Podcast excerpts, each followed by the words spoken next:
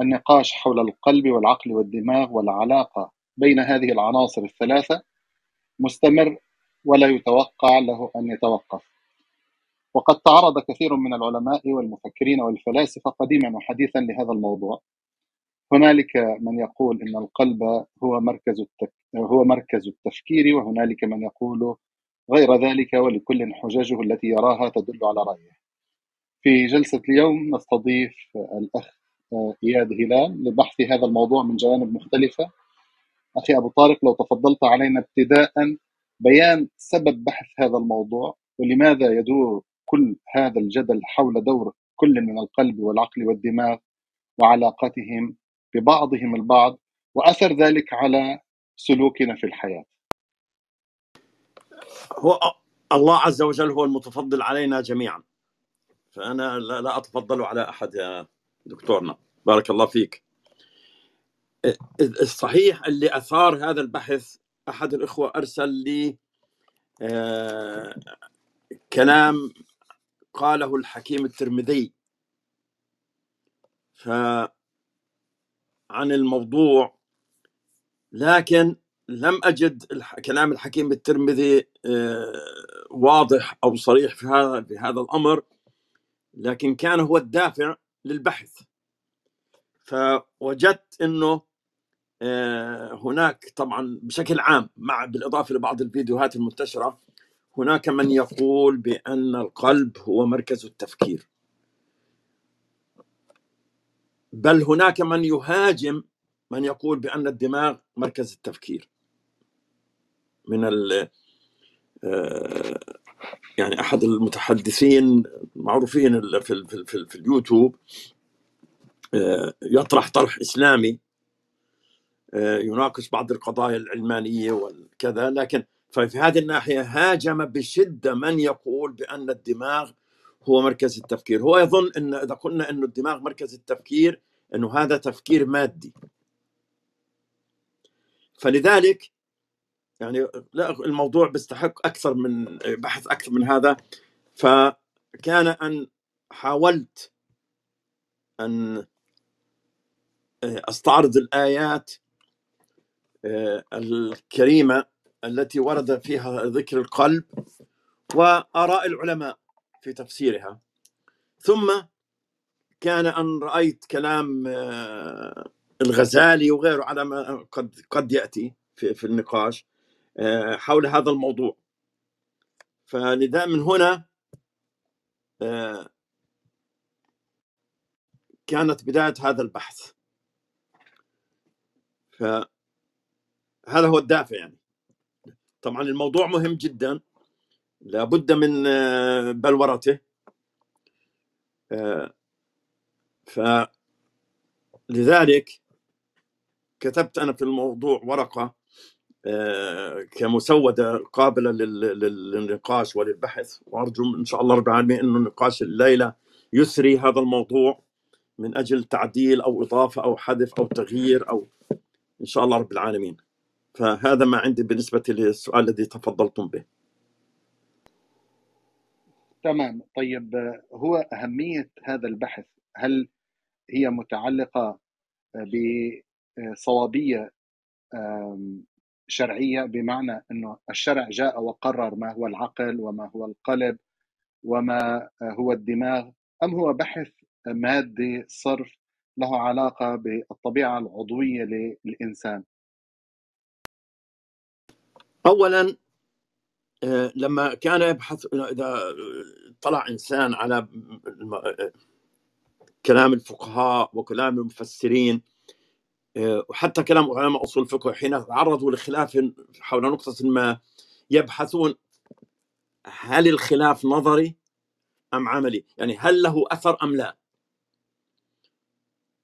فهذا بتقديري هذا هو أهم موضوع هذه أهم نقطة تتعلق بهذا الموضوع هل إذا قلنا إنه التفكير في القلب أو في الدماغ. هل ينبني على هذا فائدة عملية أم لا؟ حسب ما تعرف. ففي النهاية نعم له له له أثر عملي. لأنه كثير من الناس صاروا يبحثون بعض الأمور التي تخرج خارج نطاق العقل. مثل ابحاث أبحاثنا في طبيعة صفات الله. ليس في إثبات صفة أو أو عدمها بل هل الصفات جزء من الذات مثلا؟ هذا البحث في ما وراء الحس. من أسبابه إنه ما في خط فاصل في أذهان الذين بحثوا يفصل بين ما يجوز بحثه وما لا يجوز بحثه. لكن هل هذا البحث بحث شرعي أو بحث واقع؟ هو آه، قد يكون مزيج. اولا الإسلام والقرآن لا ي... لم يأتي بما يناقض الواقع المقطوع به مطلقا. ف يجب أن نستعرض اذا الآيات ونستعرض الواقع على ضوء الواقع. آه، لنرى آه، ما هي الرؤية اللي ممكن أن تكون رؤية صحيحة حول هذا الموضوع. طيب تفضل تقدم ببيانك وبناء عليه نجري المناقشة إن شاء الله. وإن كان يعني بالإمكان أن تشير إلى أثر الاختلاف. يعني لو تصورنا أن مركز العقل هو القلب ليس الدماغ أو الدماغ هو الق... وليس القلب. يعني كيف ينعكس ذلك على تصوراتنا على سلوكياتنا على حياتنا؟ هو هو المشكلة الذين قالوا القلب عادوا وقالوا ليس المراد بالقلب العضلة المعروفة. فزادوا الأمر غموضا. قالوا العض... اللطيفة الربانية حسب تعبير الغزالي. طب ماذا ماذا تقصد؟ هذه ناحية، الناحية الثانية هو في السابق فلاسفة علماء المسلمين مفكريهم فلاسفتهم طب ما كان عندهم هذا الرأي. هل عصمهم هذا من البحث من الخوض فيما وراء الحس؟ أم لا؟ اذا هنا لابد للبحث أن قد يطرح لنا ضوابط عملية التفكير. سواء قلت إنه العقل مركزه التفكير مركزه الدماغ أو العقل أو الدماغ والعقل أو الدماغ والعقل والقلب يغذيه. ما هي الضوابط؟ الفلاسفة الماديون الماركسيون يعني قالوا العقل مركزه الدماغ. لكن نفوا أي تأثير لأي واقع غير مادي على عملية التفكير بل وعلى عملية الإنتاج والاقتصاد وذلك كانت فلسفتهم الديالكتيكيه وتفسيرهم المادي للتاريخ. المادة كل شيء. فالفكر هو مادة والاقتصاد هو مادة والتطور التاريخي بسبب تطور المادة ولا إله والحياة مادة. هم قالوا إنه مركز العقل هو الدماغ. لكن أخطأوا فيما بعد هذا. فلذلك لابد من هذا البحث. وأنا يعني لا أزعم أنني أتيت بجديد محاولة لبلوره أشياء. الحمد لله بعمل صارت جزءا من إطارنا الفكري الذي فتح أعيننا على هذا. طرح الشيخ تقي الدين النبهاني وسآتي لطروحات العلماء المسلمين عبر التاريخ حول هذا الموضوع. بشكل عام القلب إذا بحثنا عن القلب وجدنا أن القرآن الكريم تحدث عن عن القلب في ثلاث أقسام من الآيات. هنالك قسم من الآيات وردت تصف القلب بأنه لا يعقل أو غافل. مثل قوله تعالى ختم الله على قلوبهم وعلى سمعهم وعلى أبصارهم غشاوة وقالوا قلوبنا غلف بل لعنهم الله بكفرهم قليلا ما يؤمنون. في قلوبهم مرض فزادهم الله مرضا. هذه آيات كلها في سورة البقرة. تتحدث تصف القلب بأنه غلف بأنه غافل بأنه لا يعقل بأنه مختوم عليه. آه، علماء التفسير آه، يعني سأعرض لثلاث نماذج نماذج. آه، أبو حيان الأندلسي في كتابه البحر المحيط قال القلب مصدر قلب والقلب اللحمة الصنوبرية المعروفة سميت بالمصدر وكنا به القرآن وغيره عن العقل وأطلق أيضا على لب كل شيء. إذا هنا قال أطلق القلب وأراد العقل. وكذلك ابن عاشور يقول قبل ابن عاشور ابن عطية يقول في المسألة رأيان. يقول هنالك أقرأ أنا من تفسيره آه، يقول ذهب في قوله تعالى ختم الله على قلوبهم مأخوذ من الختم وهو الطبع والخاتم الطابع وذهب الطائفة من التأولين أن ذلك على الحقيقة وأن القلب على هيئة الكف ينقبض مع زيادة الضلال والإعراض إصبعا إصبعا. وقال آخرون ذلك على المجاز. آه، ابن عاشور يقول بالنسبة للختم وليس الختم على القلوب والأسماع ولا الغشاوة على الأبصار. هنا حقيقة. كما توهمه بعض المفسرين فيما نقله ابن عطية. بل ذلك جار على طريقة المجاز. بأن جعل قلوبهم أي عقولهم في عدم نفاذ الإيمان والحق والإرشاد إليهما وجعل أعينهم في عدم الانتفاع بما ترى من المعجزات والدلائل الكونية كأنها مختوم عليها ومغشي دونها. فهذه هو الجزء الأول القسم الأول من الآيات. هناك من فسرها تفسيرا على الحقيقة وهناك من فسرها تفسيرا على المجاز. القسم الثاني من الآيات هنالك آيات وردت فيها لفظ القلب وأريد به الإنسان نفسه.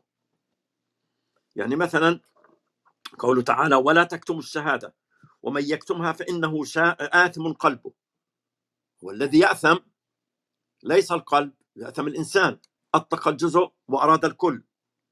فهذه آه، علاقة مجازية كما هو معروف لكن أراد هنا الإنسان. لم يرد العقل ولم يرد التفكير ولم يرد القلب المعروف. مثل قوله تعالى أيضا نزل به الروح الأمين على قلبك يا محمد لتكون من المنذرين فالمراد به نزول الروح الأمين عليك يا محمد وليس على قلبك. بدليل الآيات الأخرى التي ذكرت كتاب أنزلناه إليك والذين يؤمنون بما أنزل إليك. الحمد لله الذي أنزل على عبده الكتاب. فلذلك النص على القلب في قوله تعالى نزل به الروح الأمين يعني نزل عليك يا محمد. وذكر لفظ القلب أيضا هنا من قبيل المجاز إطلاق الجزء وإرادة الكل كما ذكرنا. وليس المراد به المعنى الحرفي كما آه، يظن البعض. آه، القسم الثالث هنالك آيات وردت فيها مشتقات المصدر. انقلبوا ينقلبون قلبوا لك الأمور. تنقلب فيه. مثلا قوله تعالى آه، ليقطع طرفا من الذين كفروا أو يكبتهم فينقلبوا خاسئين أي يرجعون خاسئين. الآية الأخرى لقد ابتغوا الفتنة من قبل وقلبوا لك الأمور أي صرفوا الأمور. القلب لغة على فكرة هو الصرف والتحويل. قلب الأمور أو قلبها من حال لحال. يخافون يوما تتقلب فيه القلوب والأبصار أي تضطرب. وهناك قسم آخر في الواقع أربع أقسام وليس ثلاثة أقسام أعتذر. قسم ورد فيه كلمة القلب أو القلوب مقرونة بالعقل بمعنى أن العقل محله القلب. هذه التي فهم منها الناس أن التفكير آه، في في القلب. مثلا أفلم يسيروا في الأرض فتكون لهم قلوب يعقلون بها أو آذان يسمعون بها. وقوله تعالى ولقد ذرأنا لجهنم كثيرا من الجن والإنس لهم قلوب لا يفقهون بها ولهم أعين لا يبصرون بها ولهم آذان لا يسمعون بها. هذه الآيات هي القسم الرابع من الآيات أنا في البداية قلت ثلاث أقسام في الواقع هي أربع أقسام. القسم الرابع هذه الآيات التي وردت فيها ذكر كلمة القلب أو القلوب مقرونة بالعقل أو الفكر أو التفقه الطبر يقول في هذه الآيات لهؤلاء الذين ذرأهم الله لجهنم من خلقه قلوب لا يتفكرون بها في آيات الله ولا يتدبرون ولا يتدبرون بها أدلته على وحدانيته ولا يعتبرون بها حججه حججه لرسله. ابن عاشور أيضا مرة أخرى هو من الذين يقول بأنه إطلاق مجازي والعقل هو كما سنرى في, في, في, في الدماغ. وأطلقت القلوب على تقاسيم العقل على وجه المجاز المرسل لأن القلب هو مفيد الدم وهو مادة الحياة على الأعضاء الرئيسية وأهمها الدماغ الذي هو عضو العقل. لذلك قال يعقلون بها. و وإنما آلة العقل هي الدماغ لكن الكلام جرى أوله آه، لما قال في في في, في الآية آه، بداية الآية آه، على متعارف أهل اللغة. قال إذا ذكر الله وجلت قلوبهم. ف فالقلب يكثر إطلاقه في كلام العرب على إحساس الإنسان وقرارة أن إدراكه وليس المراد به العضو الصنوبري المعروف. فلذلك لما نقول القرآن الكريم فإنها لا تعمل أبصار ولكن تعمل القلوب التي في الصدور أيضا إحساس الشخص وقوة إدراكه هي التي أصابها العمى الشيخ محمد بن تولي الشعراوي رحمه الله يقول كلام جيد في هذا الموضوع. إذا إدراك بالحواس وتمييز بالعقل ووقوف عند مبدأ بالقلب. وما دام استقر المبدأ في قلبك فقد أصبح دستورا لحياتك. وكل جوارحك تخدم هذا المبدأ الذي انتهيت إليه واستقر في قلبك ووجدانك. لكن لماذا القلب بالذات؟ قالوا لأن القلب هو الذي يقوم بعملية ضخ سائل الحياة وهو الدم في جميع أجزاء الجسم وجوارحه. وهذه الجوارح هي أداة تنفيذ تنفيذ ما استقر عليه الوجدان. فلذلك قالوا الإيمان محله القلب. هذا بالنسبة للآيات التي تحدثت عن القلب. فهنالك من فهمها آه، على سبيل المجاز وقالوا أن القلب كان به عن العقل.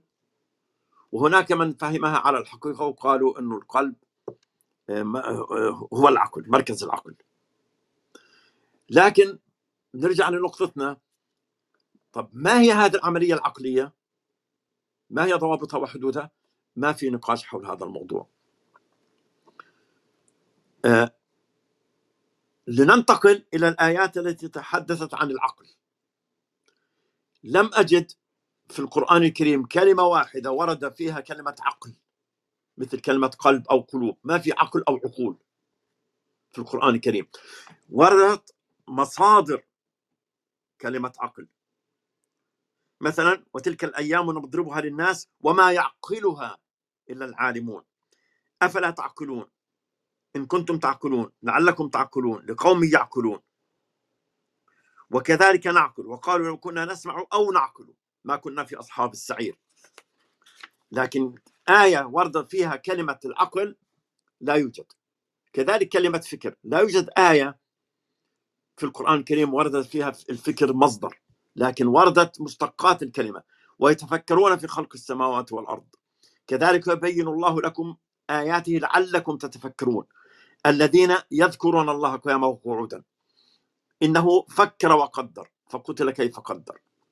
لذلك لم تستخدم مشتقات كلمة قلب بمعنى العقل أو الفكر في القرآن الكريم. وإنما التي استخدم الآيات التي استخدمت فيها هذه المشتقات جاءت بمعنى التقليب والتصريف من حال لحال. وكلمة العقل أو الفكر لم ترد في القرآن الكريم بل وردت مشتقاتها. و الناحية الأخرى وردت آيات فيها القلب وعملية العقل. ولكن رأينا قول ابن عاشور مع آه، المفسر الأندلسي العظيم آه، أبو حيان في البحر المحيط وكنا به في القرآن وغيره عن العقل وأطلق أيضا أي القلب على لب كل شيء وخالصه. إذا آه، حتى الآن لا نستطيع أن نستنبط استنباط يطمئن إليه بأنه آه، القلب آه، هو مركز العقل مركز التفكير. حتى لو انتقلنا لمعنى القلب والعقل لغة تقريبا المعاني تدور حول هذه المعاني يعني. القلب تحويل كل شيء عن وجهه. قلبه يقلبه حوله عن وجهه. هذا في البحر المحيط والأول في لسان العرب. آه، الراغب الأصفهاني يقول في مفردات القرآن قلب الإنسان قيل سمي به لكثرة تقلبه ويعبر بالقلب عن المعاني التي تختص به من الروح والعلم والشجاعة وغير ذلك. وقولي بلغت القلوب الحناجر أي الأرواح. هذا موضوع آخر معنى آخر يورده ال- الأصفهاني. وقوله وقال إن في ذلك الذكرى لمن كان له قلب أي علم وفهم. وكذلك وجعلنا على قلوبهم أكية أن يفقهوه. وقوله تعالى وطبع الله على قلوبهم فهم لا يفقهون وقوله ولتطمئن به قلوبكم أي تثبت به شجاعتكم ويزول خوفكم. والقلب إنما سمي قلبا لكثرة تقلبه العقل أطلق وأريد به الحجر والنهى ضد ضد الحمق. والجمع عقول كما قال في لسان العرب. و وأيضا يقول والعقل التثبت في الأمور والعقل القلب والقلب العقل. والعقل القلب والقلب العقل. وسمي العقل عقلا لأنه يعقل صاحبه عن التورط في المهالك. وقيل العقل هو التمييز الذي يتميز به الإنسان من سائر الحيوانات.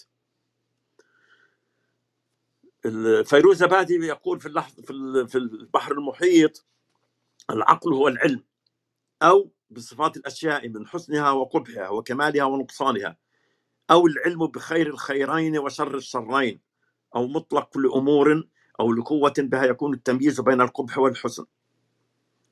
مرة أخرى مثلا يقول أيضا دع- دعني أقرأ والحق عن العقل أنه نور روحاني يريد أن يعرف الآن ما هو العقل عملية العقل. نور روحاني تدرك النفس العلوم الضرورية والنظرية به وابتداء وجوده عند اجتنان الولد. هذه لفتة رائعة من الفيروزبادي إنه حتى الجنين العقل بيبدأ والتفكير بيبدأ عنده ربط منذ منذ منذ فترة الجنين. ثم لا يزال ينمو إلى أن يكمل عند البلوغ والعقل أيضا معانيها الدية والحصن والملجأ والقلب. لكن حتى لما قال هو نور روحاني تدرك النفوس به العلوم الضرورية والنظرية كيف تدرك؟ لا يوجد حديث عن العملية فحتى الآن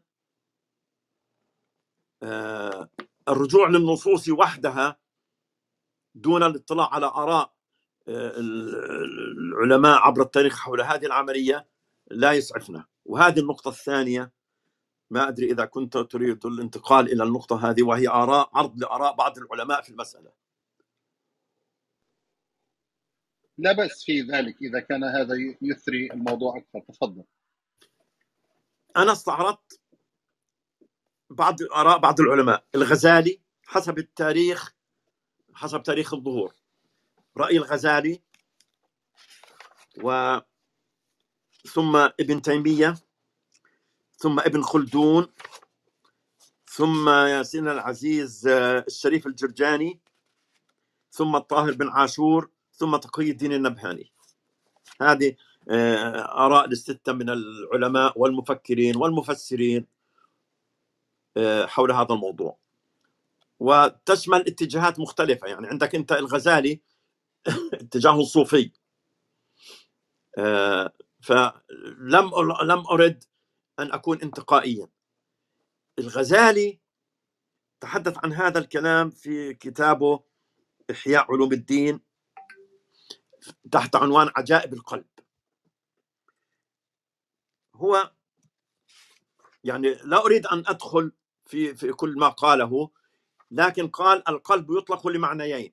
أحدهما اللحم الصنوبري المو... الشكل المودع في الجانب الأيسر من الصدر وهو لحم مخصوص في باطنه تجويف. ولسنا نقصد الآن شرح شكله وكيفيته إذ يتعلق به غرض الأطباء. نعم ولا يتعلق بالأغراض هذا كلام صحيح. وهذا القلب موجود في البهائم بل هو موجود في الميت. ونحن إذا أطلقنا لفظ القلب في هذا الكتاب لم نعني به ذلك فإنه قطعة لحم لا قدر له لا طاقة له يعني. له له له طاقة اللي هو الضخ ضخ الدم. وهم من عالم الملك والشهادة إذ تدركه البهائم بحاسة البصر فضلا عن الآدميين. المعنى الثاني الذي يريده الغزالي ويؤكد عليه هو لطيفة ربانية روحانية لها بهذا الجسم القلب الجسماني تعلق. وتلك اللطيفة هي حقيقة الإنسان وهو المدرك العالم العارف من الإنسان وهو المخاطب والمعاقب والمعاتب والمطالب. وله علاقة مع القلب الجنس الجسماني وتحيرت عقول أكثر الخلق في إدراك وجه علاقته. فإن تعلقه به يضاهي تعلق الأعراض والأجسام والأوصاف بالموصوفات. آه، وشرح ذلك نتجنبه لمعنيين. اولا هو متعلق بعلوم المكاشفة. وليس غرضنا في هذا الكتاب إحياء علوم الدين إلا علوم المعاملة. والثاني أن تحقيقه يستدعي افشاء سر الروح. وذلك مما لا يتكلم فيه رسول الله لم يتكلم فيه رسول الله صلى الله عليه وسلم فليس لغيره أن يتكلم. والمقصود أننا إذا أطلقنا لفظ القلب في هذا الكتاب أردنا به هذه اللطيفة وغرضنا ذكر أوصافها وأحوالها لا ذكر حقيقتها في ذاتها. وعلم المعاملة يفتقر إلى معرفة صفاتها وأحوالها ولا يفتقر إلى ذكر حقيقتها. فالغزالي بعدين يتحدث عن معنى الروح ومعنى النفس في الإنسان وبعدين يتحدث عن العقل. وهو يقول وهو أيضا مشترك لمعان مختلفة ذكرناها في كتاب العلم ويهمنا هنا معنيان. أحدهما أنه يراد به العلم بحقائق حقائق الأمور فيكون القلب عبارة عن صفة العلم الذي محله القلب. فيكون العقل عبارة عن صفة العلم الذي محله القلب. والثاني المدرك للعلوم فيكون هو القلب. لكن بمعنى اللطيفة الربانية الكلام يعني اعذروني لم أجده مبلورا. غير واضح. ما وضع اصبعه على نقطة معينة بحدودها وقال لك هذه هي مع أنه عالم أصولي يعني الغزالي كما هو معلوم. ابن تيمية ابن تيمية يجمع بين الدماغ والقلب في موضوع العقل. فقال في فتاويه فصل وأما قوله أين مسكن العقل فيه فالعقل قائم بنفس الإنسان التي تعقل. وأما من البدن فهو متعلق بقلبه كما قال تعالى أفلم يسيروا في الأرض فتكون لهم قلوب يعقلون بها؟ طيب لحد هون بنقول إنه أعطى إنه القلب.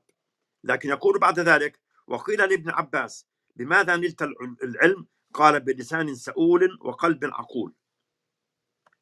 لكن لفظ القلب قد يراد به المضغة الصنوبرية الشكل التي في الجانب الأيسر من البدن التي جوفها علقة سوداء كما في الصحيحين عن النبي صلى الله عليه وسلم إن في الجسد مضغة إذا صلحت صلح الجسد كله وإذا فسدت فسد الجسد كله.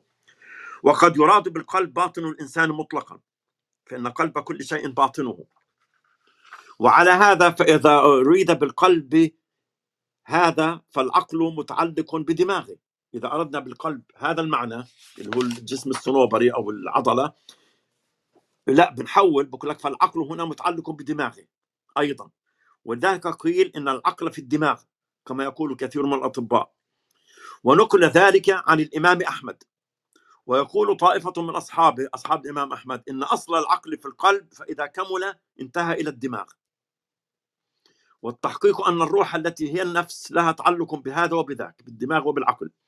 وما يتصف بالعقل به ويتعلق بهذا وذاك. لكن مبدأ هنا مبدأ الفكر والنظر في الدماغ. ومبدأ الإرادة في القلب والعقل يراد به العلم ويراد به العمل. فالعلم والعمل الاختياري أصله الإرادة وأصل الإرادة في القلب. والمريد لا يكون مريدا إلا بعد تصور المراد فلا بد أن يكون القلب متصورا متصورا فيكون منه هذا وهذا. ويبتدئ ذلك من الدماغ. فابن تيمية يجمع بين الرأي الأطباء الذين يقول بأن العقل في الدماغ ورأي الإمام أحمد وما نقله أصحابه عنه بأن أصل العقل في في القلب وينتهي إلى الدماغ لكن لم يعرف لنا العملية العقلية. ابن خلدون في كتاب المقدمة كلام طويل جدا بالواقع يعني الذي يريد أن آه، يقرأه آه، يجده في المقدمة السادسة في أصناف المدركين من البشر بالفطرة أو الرياضة وتقدمه كلام في الوحي. في الجزء الأول.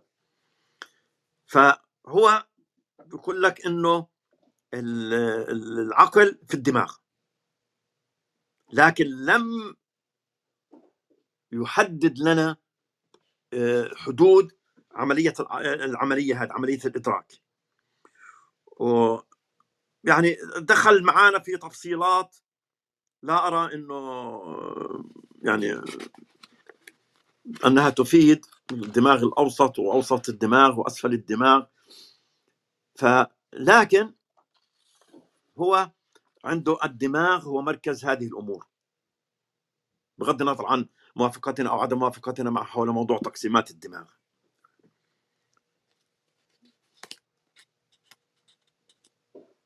الآن بالنسبة هو تحدث حتى عن طريقة العلوم وقال هذه الطبيعة الفكرية التي تميز تميز بها البشر من بين سائر الحيوانات. ثم الصناعة المنطقية هي كيفية فعل هذه الطبيعة الفكرية النظرية. فالشريف الجرجاني تعريفه للعقل مأخوذ من تعريف الفلاسفة. وبالذات يعني هو ال ال ال لا الله. الكندي واخذ هذا التعريف. طبعا الكندي من الفلاسفة اليونان. آه، في رسالة له رسالة في حدود الأشياء. قال العقل جوهر بسيط مدرك للأشياء بحقائقها. هذا الذي قاله الكندي. الشريف الجرجاني قال جوهر مجرد عن المادة في ذاته مقارن له في فعله. طيب نرجع على كلام الفلاسفة. يقولون العقل جوهر بسيط مدرك الأشياء مدرك للأشياء بحقائقها وهذا الجوهر لي ليس مركبا من قوة قابلة للفساد إنما هو مجرد عن المادة في ذاته مقارن لها في فعله. ف يقول الجرجاني جوهر مجرد عن المادة في ذاته مقارن لها في فعله وهي النفس الناطقة التي يشير إليها كل أحد بقوله أنا. وقيل العقل جوهر روحاني خلقه الله تعالى متعلقا ببدن الإنسان. رجعنا لموضوع اللطيفة الربانية. وقيل العقل نور في القلب يعرف الحق والباطل. وقيل العقل جوهر مجرد عن المادة يتعلق بالبدن تعلق التدبير والتصرف. وقيل هو قوة للنفس الناطقة وهو صريح بأن القوة العاقلة أمر مغاير للنفس الناطقة وأن الفاعل في التحقيق هو النفس والعقل آلة هو النفس والعقل آلة لها. فأيضا لم يقدم لنا آه، حدود عملية العقل. ننتقل إلى الطاهر بن عاشور يرى الطاهر بن عاشور أن العقل في الدماغ. ويرى أن استخدام كلمة القرآن أن استخدام القرآن كلمة العقل آسف. ويرى أن استخدام القرآن كلمة القلب بمعنى العقل هو استخدام مجازي كما رأينا في تفسير تلك الآيات. ف عندنا هؤلاء خمس علماء آه، لم حتى الآن لم يطرحوا لنا ما هي هذه الحدود؟ وكلام الغزالي بأنه العقل لطيفة ربانية يا أخي ما هو كل شيء في الإنسان لطيفة ربانية. نعم الله عز وجل علينا نعمة الإدراك نعمة البصر نعمة كل شيء لطيفة ربانية. فلذلك آه، إذا أردنا أن نناقش هذه الأمور دعني أؤجل رأي آه، تقييد نبهاني بعد هذه النقطة. آه، من أجل أن نفهم هذه الآيات لابد لنا من فهم قواعد التفسير طبعا من قواعد التفسير الأصل المعنى اللغوي أو والمجاز بشروطه. هذه ناحية. الناحية الثانية الواقع. الله عز وجل يقول لنا فاسألوا أهل الذكر إن كنتم لا تعلمون. الواقع يقول لنا رأي الطب ورأي البيولوجيين. بأن الدماغ هو مركز العقل هو مركز الإحساس حتى. فكل الأحاسيس تنتقل إلى الدماغ وكل والمعلومات التي يكتسبها الإنسان تختزن في الدماغ. ولا تختزن في العقل في القلب. آسف. الناحية الثانية اللي وجدته أثناء البحث إنه الحواس نفسها حاسة البصر. البصر أداته آه، العين. العين نفسها تعتبر جزء من الدماغ من غير الحواس الأخرى. الأطباء بيستطيعوا يشرحون اياها يعني قرات إنه it's extension of the brain وأنا سألت في الواقع آه، أطباء وأطباء عيون وأساتذة آه، بيولوجيا. ف كلهم قالوا نعم صحيح إنه العين تعتبر امتداد للدماغ. ف ليست امتداد القلب مثلا اذا الناحية العملية الواقع بدلنا إنه مركز التفكير هو الدماغ. طب لماذا العقل؟ لماذا لماذا القلب؟ ذكر. هنا بدنا نبحث نقطة في موضوع العلاقة بين القلب والدماغ. الطب لم يذكر لم يقل كلمته الأخيرة ولا يتوقع أن يقول كلمته الأخيرة. علماءنا في السابق ذكروا ناحية اللي هي القلب هو الذي يضخ مع الحياة.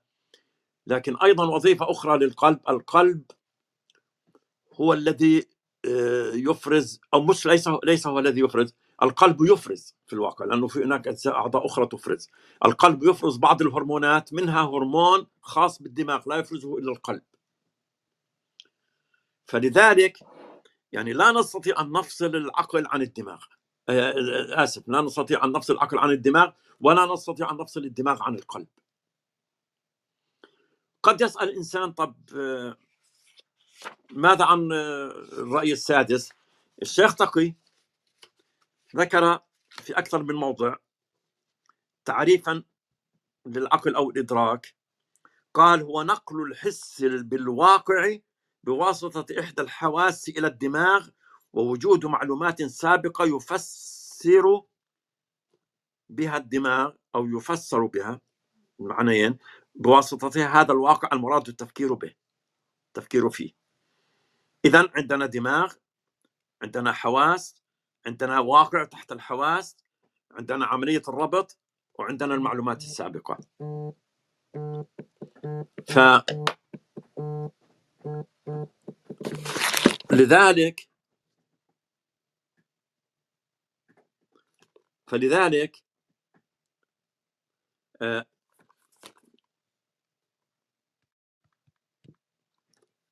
يعني هو طرح حدود عملية التفكير وطرح أيضا أكثر من مرة إنه هذه العملية تعني إنه التفكير يجب أن يكون في أشياء يحسها الإنسان. والتفكير في غير المحسوسات هو تفكير بالغيبيات. وفي في في في إطارنا العقيدي الإيمان بالغيبيات واجب لكن دليلها دليل نقلي ثبت أصله بالعقل. فنحن نؤمن بالغيبيات ولا نحتاج لإعادة تفسير العقل من أجل احتواء موضوع الغيبيات. لكن هذا التعريف يضبط عملية التفكير. هناك من قال بأنه آه، تقي الدين النبهاني أخذ هذا التعريف عن كانت ولكن هذا الأمر آه، ليس آه، مهما لأن التعريفات اللي هي دراسة للواقع تستطيع أن تأخذها عمن تريد. فالموضوع هنا يعني الدافع وراء هذا التعريف كان في الواقع الرد على الفكر الماركسي إنه المادة أصل الكون والفكر هو المادة أصل الفكر وما إلى ذلك. ولذلك آه، أهم شيء في عند الماركسيين ليس فقط آه، يعني أهم ثغرة حتى ليست العلاقة بين المادة والدماغ أهم ثغرة في تفكيرهم اللي أنكروا المعلومات السابقة. وسبب إنكار المعلومات السابقة عدم إيمانهم بوجود الله عز وجل. فهذا ما ذكره آه، تقي الدين النبهاني في بحثه عن التفكير. طبعا آه، له كتاب كامل بهذا العنوان فلا أستطيع أن ألخص الكتاب كله واصلا خارج نطاق آه، هذا النقاش. لكن المهم إنه هذا التعريف قد أضيف عليه شيء آخر لكن يحدد على معالم عملية التفكير. الذي أريد أن أضيفه يعني أنا يعني قل أقول بأنه التفكير العقل أو التفكير أو الإدراك هو خاصية أودعها الله عز وجل في الإنسان وميزه بها عن سائر المخلوقات. بحيث يتمكن الإنسان الحي القادر المريد من خلالها من خلال هذه الخاصية من الحكم على الوقائع والأشياء عبر جهاز حي فعال مترابط يشمل الدماغ والقلب والحواس. مع وجود معلومات سابقة يجري ربطها وتحليلها ويتلقاها الفرد من مصادر مختلفة تتعلق بالواقع أو الشيء المراد الحكم عليه. ف يعني هو آه، الفرق الوحيد تركيزه كان على عملية التفكير وافترض طبعا تحصيل حاصل أنها تكون من من إنسان حي ليست من إنسان ميت. لكن فقط الذي أشرت إليه هو أنه عملية التفكير هي من الإنسان ككل جسم جسم الإنسان يأكل جسم الإنسان يشرب جسم الإنسان ينام آه، بأعضاء مختلفة وجسم الإنسان يفكر. ولذلك قيل الإنسان حيوان مفكر كما عرفه بعضهم. فهذا في تقديري آه، أهم شيء في موضوع عملية آه، تعريف العقل آه، والقول بأنه مركز. مركزه الدماغ إنه هو تعريف مع مع ذكر هذه العوامل العملية العقلية طريقة ميكانيكية التفكير آلية التفكير هذه تختلف عن طريقة التفكير أنا لا أريد أيضا الخوض فيها لكن ميكانيكية التفكير وطريقة التفكير وعملية العقل هذه واحدة عند جميع الناس تختلف باختلاف المعلومات السابقة تختلف باختلاف الإطار الفكري تختلف أيضا بنقطة مهمة جدا اللي هي أشار إليها أيضا في تقييد النبهاني أنه عدم حصر التفكير في الأشياء التي يقع عليها الحس دفع بعض الناس لأبحاث في أمور خارج نطاق الحس. فصاروا يبحثون في الغيبيات وفي صفات الله صاروا يبحثون القرآن هل القرآن مخلوق أم لا؟ صاروا يبحثون هل علم الله علم قائم بذاته أم مستقل عن ذاته أم لا هو ذاته ولا هو غير ذاته. فلذلك وكذلك صاروا يبحثون في, في يعني القاضي عبد الجبار آه، آه، يعني في لو قرأت له شرح الأصول الخمسة أمثلة عديدة جدا. لا يعني تقريبا في كل صفحة. تجد يقيس الغائب على الشاهد. يقيس عدل الله عز وجل على عدلنا. وطبعا استوى في ذلك حتى آه، بعض بعض بعض الأشاعرة مثل الإمام الجويني في كتابه قواطع الأدلة. لما تحدث عن نزول القرآن أتى برأي غريب وسببه أنه هذا هذه الناحية أنت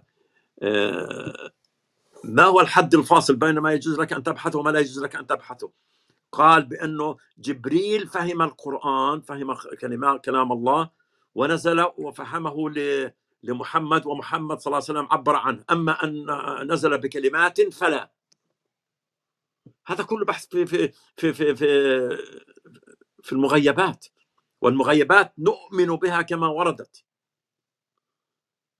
فلذلك الناحية العملية في هذا البحث هي تحديد مقومات العملية الفكرية أو آلية التفكير أو ميكانيكية التفكير سميها ما شئت من أجل أن تساعدنا في ضبط طريقة التفكير.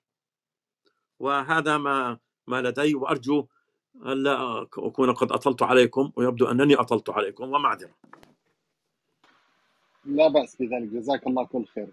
وإياك. أنا عندي مجموعة حقيقة من الأسئلة لكن قبل أن أبدأ بطرحها أود سماع إذا كان هناك من لديه تعليق على ما ورد حتى الآن أو سؤال أو استفسار على ما ورد.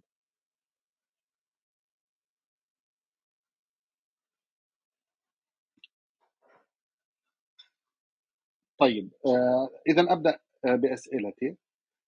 آه، حسب ما فهمت أن القلب الذي نتناوله بالبحث الآن ليس هو العضو النابض في الصدر إنما هو شيء آخر.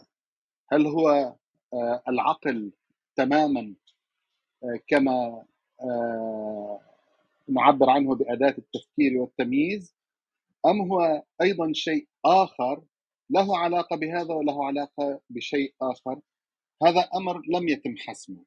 يعني أنا ورد لدي أثناء طرحك أن القلب هو شيء آه، ربما يكون آه، آخر خاصة أنك آه، استمددت المعلومات التي تليتها على أسماعنا من المفكرين المسلمين. لم تتطرق إلى المدرسة الغربية التي تناولت أيضا موضوع العقل بكثير من التفصيل والتدقيق لأن هذا البحث بحث جوهري ومحوري للغاية في الحياة الإنسانية. آه، فورد لدي حديث النبي صلى الله عليه وسلم مثلا آه، أن القلب بين إصبعين من أصابع الرحمن يقلبه الله كيفما شاء يصبح أحدكم مسلما ويمسي كافرا والعكس طبعا كما ورد في الحديث. فالقلب بطبيعته متقلب. الآن هل العقل أيضا متقلب أم العقل هو عملية منضبطة؟ آه، وبالتالي هنا نميز بين العقل وبين القلب بهذا المنحى تحديدا. تفضل.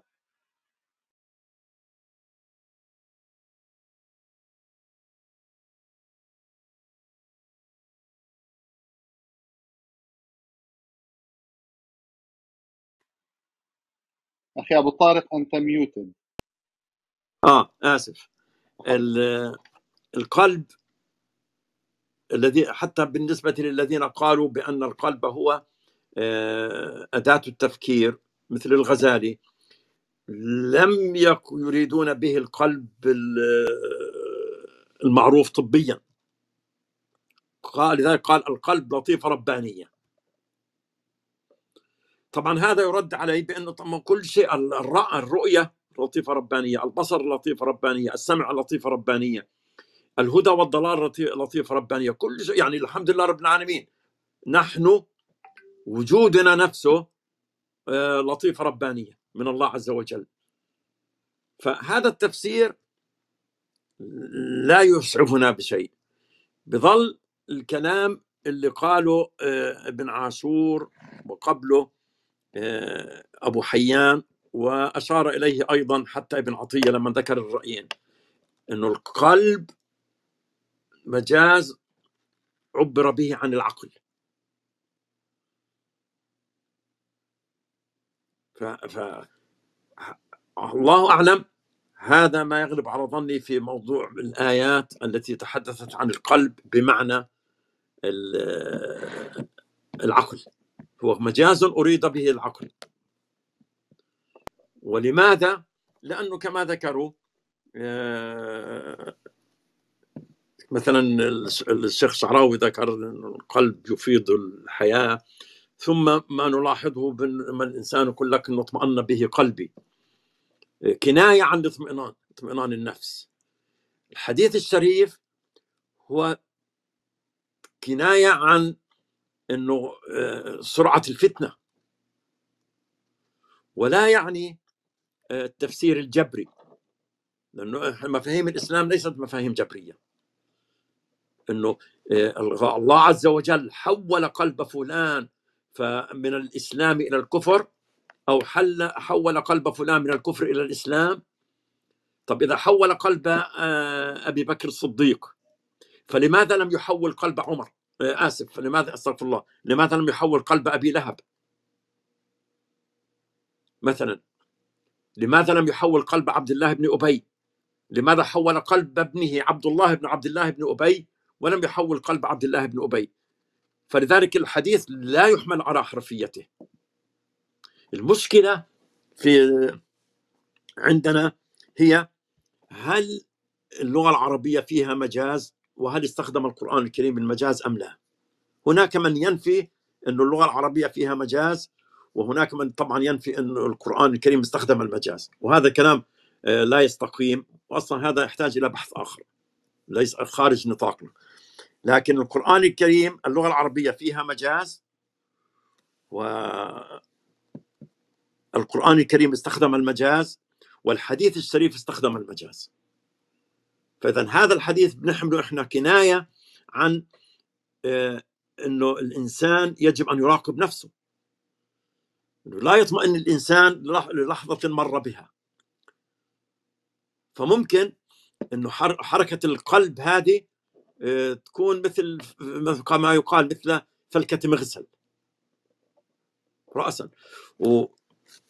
يعني هناك أشخاص كنت تعتبرهم إنهم كونوا إطار فكري سليم وما شاء الله عنهم وكذا وكذا وكذا وبسبب هزه إصابتهم لم يستطيعوا التعامل مع مشكلة مرت معهم في تجاربهم مع جماعة معينة أو أو في نقاش في قضية معينة لم لم لم يستطيعوا أن يضبطوا آه، تفكيرهم إثر ذلك فانطلقوا إلى موقف متطرف إنكار السنة كلية. يعني لا يطيقون أن يسمعوا كلمة السنة أو أن السنة حجة أو كذا أو كذا أو كذا. يعني سماع أقوال المستشرقين أهون عندهم من سماع من يقول بأنه السنة حجة. فهذا يدلك على أنه التقلب وارد مش بس يقع وهذا ما يحذر الحديث الشريف منه. بدل الخوض يعني بقرا أنا في موقع الإسلام آه، سؤال وجواب آه، يقول آه، روى الإمام مسلم في حديثه إن قلوب بني آدم كلها بين أصبعين من أصابع الرحمن والأصابع صفة ثابتة بهذا الحديث وغيره وقد أثبتها أهل السنة. انه الله عز وجل له أصابع وتفويض معاني الصفات مذهب باطل ماشي. أما البينيه المذكوره في الحديث أي كون القلوب بين أصبعين من أصابع الله فهي على ظاهرها وحقيقتها لكن نفوض كيفيتها لأن النبي أخبرنا عن كون القلوب بين أصبعين من أصابع الرحمن. هذا مع العلم أن البينية لا تستلزم الملامسة. ف آه، طبعا قال شيخ يأتي بقول ابن تيمية شيخ الإسلام ابن تيمية رحمه الله. قال الرازي السابع قال رسول الله صلى الله عليه وسلم قلب المؤمن بين أصبعين من أصابع الرحمن وهذا لابد فيه من تأويل لأننا نعلم بالضرورة أنه ليس في صدورنا إصبعان بينهما قلوبنا. قلت هذا الحديث في الصحيح والكلام عليه من وجوه أنه ليس ظاهر هذا الحديث هذا معنى تصور كيف الخوض في في في في, في الغيب هذا كلام ابن تيمية. ليس ظاهر هذا الحديث أن أصابع الرب في صدور العباد. إنما أخبر أن قلوبهم بين إصبعين من أصابعه يقلبهما كيف يشاء. فلم يقل إن الأصابع في صدورهم ولا قال إن قلوبهم معلقة بالأصابع أو متصلة بها بل قال إنها بين إصبعين. وكون أن الشيء بين شيئين ليس ظاهره أنه مماثل لهما. كما قال في في قوله تعالى عن الجنة والنار وبينهما حجاب. فالوجه الثاني إنه لو فرض أنه أخبر عن شيء من الغيب بأنه في قلوب العباد لم يكن لم يكن ما ذكر من الضرورة مانعة من ذلك لأن الضرورة تمنع أن تكون الأشياء التي نشاهدها في قلوبنا ونحن لا نشاهد ذلك. ف... لكن أخي أخي أبو طارق بعيدا عن بعيدا عن مذهب التفويض ومذهب التأويل يبقى لدينا إشكالية متعلقة بالبحث. الآن آه، نحن بحسب الخلاصة التي قدمتها أن العملية العقلية واحدة عند بني البشر آه، والعقل والقلب يختلف. آه، طبعا للتأكيد هنا مرة أخرى لا نتحدث عن القلب بوصفه العضلة الموجودة في الصدر إنما هو شيء آخر. الآن لم يتبلور لدينا تماما ما هو هذا الشيء بصراحة لكن هذا الشيء متقلب متغير. الآن السؤال ما هي علاقة العقل بالقلب؟ إذا كان العقل جازما حاسما في آه، التصور في الفهم في الإدراك في المعتقد كيف يتقلب القلب وكيف يتصرف القلب؟ ولماذا يغاير القلب العقل؟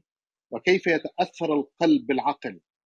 وأين موقع آه، الضبط والربط؟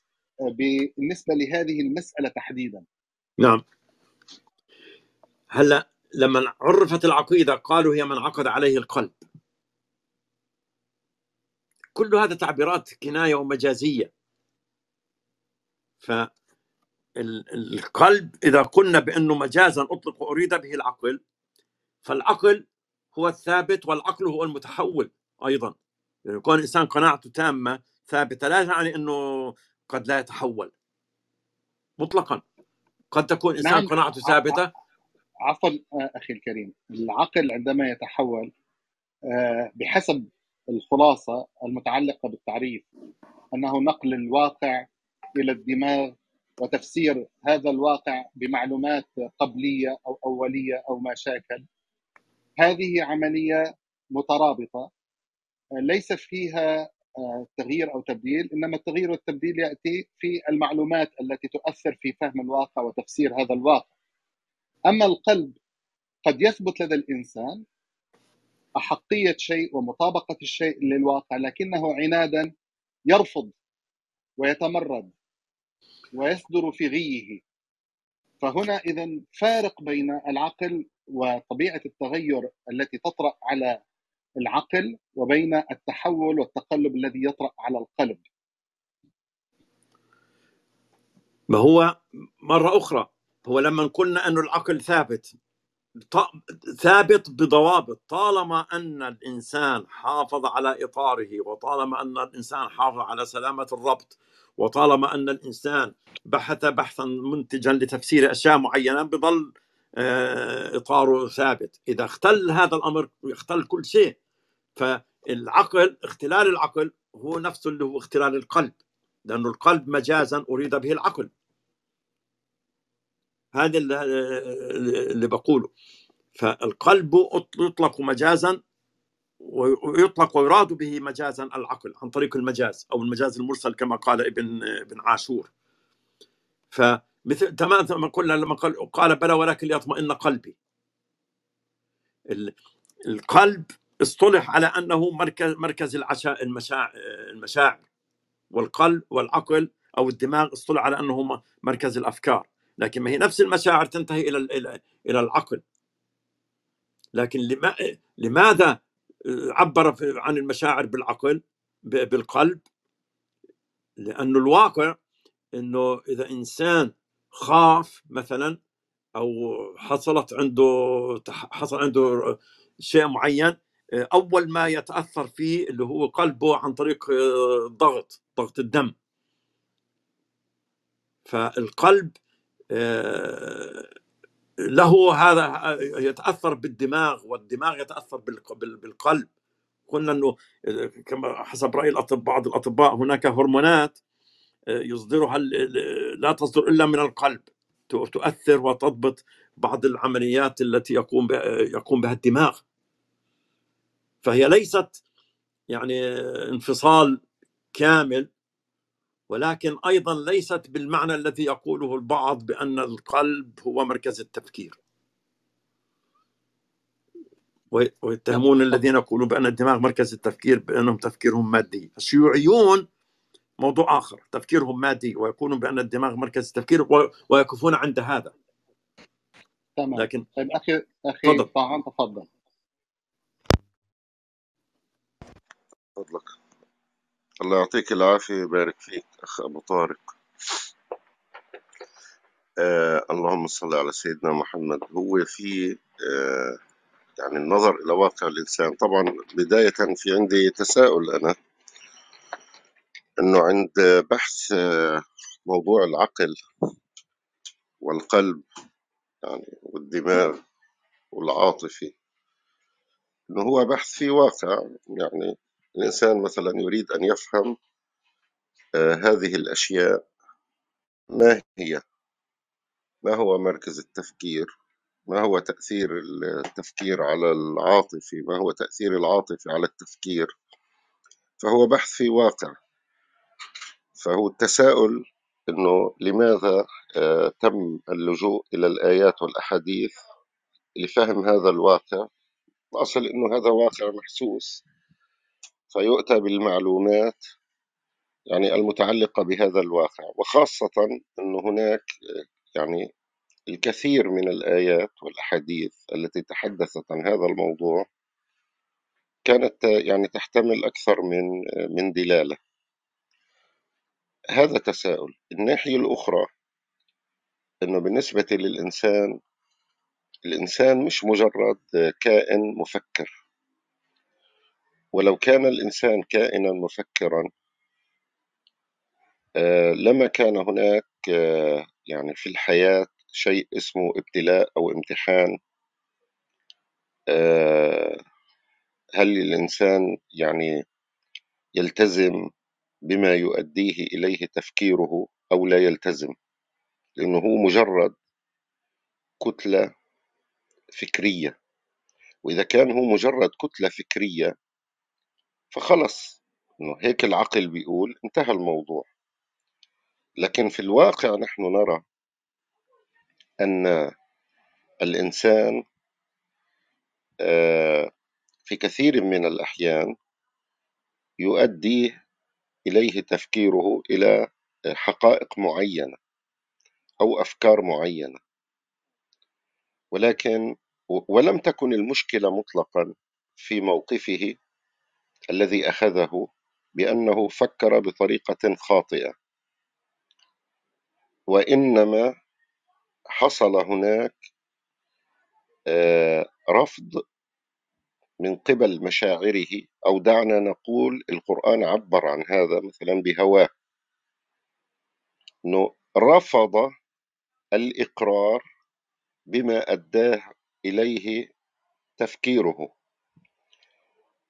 والله أعلم هو حقيقة الامتحان في هذه الحياة هو هنا يكمن. حقيقة الامتحان أن الإنسان مركب من عقل وعاطفة. فالعقل اللي هو يعني آه، عنصر أساسي فيه الدماغ يعني والمعلومات والربط يعني بينهما وطبعا التفكير أن يكون فيما يقع عليه الحس. والقلب يعبر عن العاطفة في كثير من الأحيان بالقلب إنه المشاعر العاطفة ما يميل إليه الإنسان. ما يهواه الإنسان. ف وهاي وهذا طبيعة هذه التركيبة وطبيعة التبادلية في التأثير فالتفكير يؤثر في المشاعر. يعني التفكير يحدد نوع المشاعر والتفكير أيضا والمشاعر أيضا تؤثر على التفكير. يعني المشاعر كمان في كثير من الأحيان تدفع الإنسان إلى التفكير. فهو إذا خاف مثلا هذا يدفعه ليفكر كيف يتقي هذا الخوف. أو إذا جاع مثلا أو إذا ثار لديه حب التملك فكمان يندفع للتفكير أنه كيف يتملك. والعكس أيضا. هذه التبادلية في الإنسان هي التي آه، هي موضع موضع الابتلاء وموضع الامتحان. فلما آه، جاء النبي صلى الله عليه وسلم برسالة الإسلام بين لنا أن حقيقة الامتحان هي أن تتجاوب تلك المشاعر مع أفكار الإسلام ومفاهيم الإسلام. لا أن يرفض الإنسان ما أداه, ما أداه إليه عقله. بسبب أنه له مصالح معينة مثلا أو له أهواء معينة. ولذلك إجا النهي أنه فلا تتبع الهوى فيضلك عن سبيل الله. آه، فأما آه، من اتقى فأما من وأما من خاف مقام ربه ونهى النفس عن الهوى فإن الجنة هي المأوى. فنحن لا نستطيع أن نقول أن المسألة في الإنسان هي كلها تفكير. نعم التفكير يجب أن يكون, هو من يقود الإنسان في هذه الحياة لكن ليس كل شيء تفكير لأنه في عاطفة. القيادة يجب أن تكون للعقل بمعنى أن العقل هو مناط فيه أن يكون أداة للتوصل إلى الحقائق وما على الإنسان إلا أن يجعل آه، مشاعره تتجاوب مع ما أداه إليه آه، تفكيره. فهذا موضع يعني موضع الامتحان. ولذلك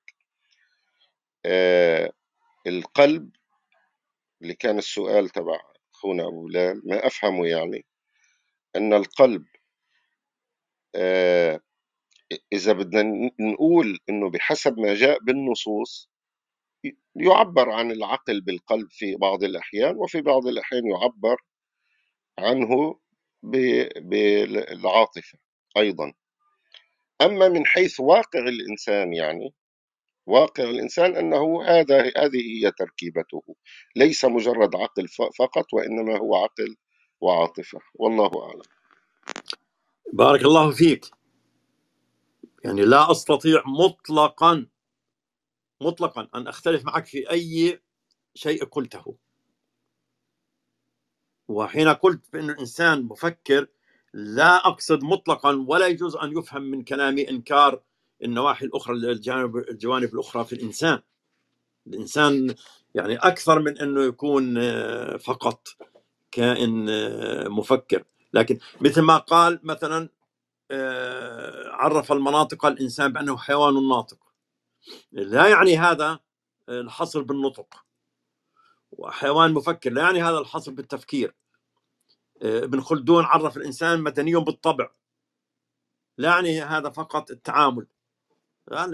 طبعا الإسلام الإنسان كل هذا طبعا هناك العاطفة وهناك المشاعر وهناك الأهواء والميول. بئس العبد عبد هوى يضله. بئس العبد عبد شهوته تذله. كما كما أظن أظنه حديث عن الرسول صلى الله عليه وسلم. فلا معك يعني هذا الكلام كلام سليم. والإنسان ليس فكرا كله. طبعا. لا يوجد خلاف حول هذا الموضوع. أخي إيهاب تفضل.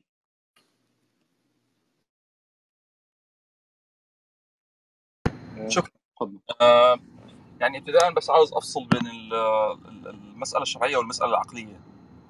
في مسألة شرعية فعلا اللي هي محاولة فهم معنى النصوص الشرعية اللي كانت فيها آه، ذكر مصطلحات القلب والعقل.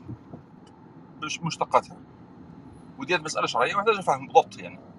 وفي المسألة العقلية اللي هي مجرد إدراك الواقع إنه طيب إيه طبيعة العقل وإيه طبيعة القلب ومحل التفكير. فالخلط بين المسألتين بيعمل مشاكل.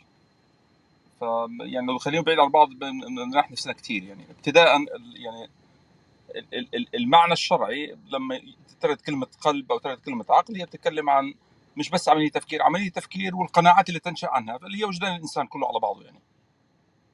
أو إرادة الإنسان. آه، بس النص الشرعي ما بيتكلمش على آه، لا مكونات العقل ولا محل التفكير لأنه مش محل بحث. إحنا دلوقتي بنبحث فيه لأن إحنا مهتمين إحنا نبحث فيه عشان نفهم طبيعة تفكير الإنسان عشان نفهم أين يمكن إيقاع التفكير وأين لا يمكن إيقاعه. ماشي جيد. بس ده بحث عقلي دلوقتي مستقل خاص عن البحث الشرعي. والفصل بينهم ضروري. باستثناء ذلك بقى بعد كده اللي, اللي بيبحثوا إنه والله لط- لطائف ربانية واللط- واللطائف دي تكون في القلب أو في العقل يعني انت انت حر تتعبر زي ما انت عاوز يعني بس في النهاية ال- ال- ال- ما فيش فيه شك إنه الموضوع اللي يلزمنا حقيقة يعني إنه آه، ال- المسائل المادية يمكن التفكير فيها، المسائل غير المادية لا يمكن التفكير فيها، لها اللي يقع عليها الحس يعني يعني المسائل اللي يقع عليها الحس مش ممكن التفكير فيها بس وغير كذا ما, يلزمناش أكثر من كذا يعني. آه، ملاحظة بس أخيرة يعني ما نقله أبو طارق عن آه، موقع الإسلام سؤال وجواب يذكرني بما نقله ابن الجوزي عن آه، اللي كانوا بيشنعوا على الحنابلة بالكلام عن إنه ولا ينكر أن يقال أن للرحمن ضرس. فهو مشكلة ال ال ال الكلام هذا إن إحنا لما ننتقل من محاولة نفهم النصوص الشرعية لإن إحنا نتشاكل حول مسألة ال- ال- ال- الحقيقة والمجاز نقع في في فخاخ يعني سيئه لا معنى لها يعني جزاك الله خير. نعم. أخي أبو طارق لديك تعليق على ما قاله إيهاب؟ لا هو فقط آه، ممكن تكون إضافة بسيطة. هو موضوع المعنى الشرعي أو الحقيقة الشرعية. آه، يعني بأتي هنا في كلمات معينة وردت نصوص معينة تستخدم هذه الكلمة. نقلتها عن الحقيقة اللغوية إلى الحقيقة الشرعية. مثل كلمة الصلاة مثل كلمة الزكاة مثل كلمة الحج. لكن ليس كل كلمة وردت في القرآن الكريم بمعنى معين يقال عنها بأنها معنى شرعي أو حقيقة شرعية. فكلمة قلب أنا ما بتكلمش عن التعريف الشرعي أنا بتكلم عن المعنى المستخدم في النصوص الشرعية. آه آه خ- اللي خ- هو ماشي خلاص إذا اتفقنا. نعم نعم اتفقنا إذا خلاص بارك الله فيك. نعم. تمام أخي عمر تفضل. السلام عليكم. هو الحقيقة ال- ال- ال- الجدل حتى بعد الكلام سمعناه لا يزال قائما لأن في بعض ال- الأمور اللي بتحصل آه، في أثناء التعامل مع القلب في عمليات نقل القلب تحديدا آه، بتؤكد إن في حاجة مش مش مش بهذه البساطة. يعني هو مش مجرد آه، مضخة لل- لل- لل- للدم. وأكثر من ذلك حتى فيزيكالي آه، يعني. مثلا في بعض ال- ال- ال- القلب لما بيوضع قبل ما يتصل بالعقل بالخلايا العصبية بينبض داخل داخل الإنسان. في بعض الحالات اللي تم ليها نقل القلب كان عندها ذاكرة من الشخص القديم. في نظام عصبي متكامل في القلب من خلايا عصبية شديدة التعقيد زي العقل. في بعض الأبحاث إن القلب ليه مجال إلكترومagnetic زي العقل بالظبط ويمكن أشد أحيانا بيبقى أقوى. اذا فالموضوع الحقيقة مش محسوم يعني لا يمكن إطلاق القول إن المركز ال- ال- ال- المركز التفكير هو العقل ممكن ال- الدماغ أو المخ يعني هو وسيلة آه، ضبط حاجات كتيرة جدا في حركة الإنسان ومواقع الذاكرة لكن مين اللي بيهيمن على الكلام ده كله؟ هل العقل هو اللي بيهيمن أم القلب؟ دي قضية لم تحسم وأعتقد لن تحسم لأن هي الحجم ال- ال- ال- الخ- الخفي من العلم كثير جدا في علاقة الإنسان بال- ب- ب- بجسمه حتى. فالموضوع ربما آه، ما نقدرش نحسمه. في نقطة تانية كان يتكلم عنها ال- الدكتور المسيري وغيره ال- المنطق في في ظل الحضارة الغربية المادية وإصرارهم عليها من 300 400 سنة 400 سنة آه، كان ال- ال- العقل لوحده بما يعطى من معلومات وداتا يعني سيكون أقرب لل- لل- لل- للم- للمجرمين إجرام. مفيش حاجة تو- توقفه طبقا للمدخلات اللي بتحصل من خلال الحضارة الغربية.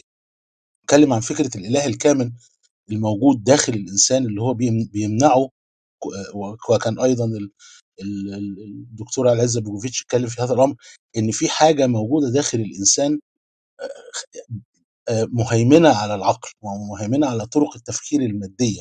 الإطار المادي البسيط أو المعقد حتى اللي داخل العقل البشري اللي بيعتمد على المدخلات ال- ال- اللي موجودة وخلاص ال- الإنتاج هيبقى مدمر للغاية. ويمكن طول الوقت في مقاومة لهذا من النفس البشرية. يعني الآن مثلا فكرة المتعة الكاملة وكان يتكلم عنها ال- الدكتور المسيري فكرة ال ال ال الشذوذ الجنسي وغيره المتعة الكاملة بتقتضي أي حاجة. خلاص يعني يمشي في أي طريق. إيه اللي بيوقف بعض الغرب الآن بعد 300 400 سنة من تدمير ال- القيم والأفكار؟ هو فكرة الإله الكامل.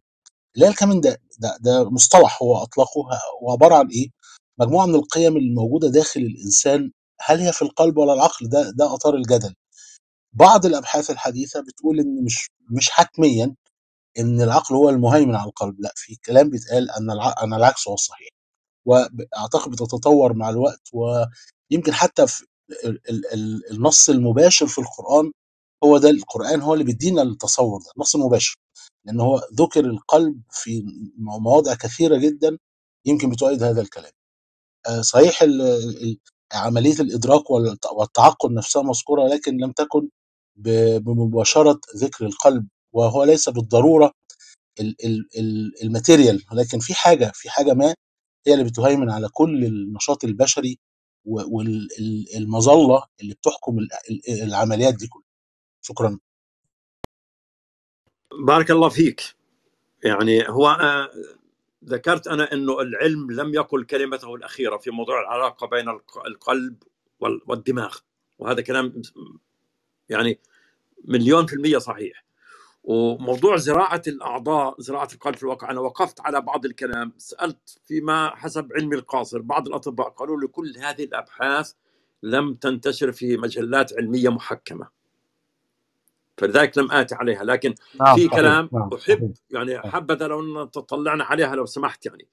آه، لكن طبعا العملية معقدة. ولذلك لما ذكرت أنا آه، في عملية التعريف قلت عبر جهاز فع- حي فعال مترابط يشمل الدماغ والقلب والحواس. من يضبط من؟ هذه مثل ما تفضلت يعني خلي الأط- الأطباء ي- يتفضلوا فيها. وطبعا القلب أكثر من مضخ الدماغ.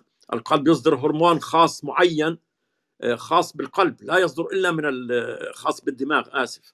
لا يصدر إلا من القلب.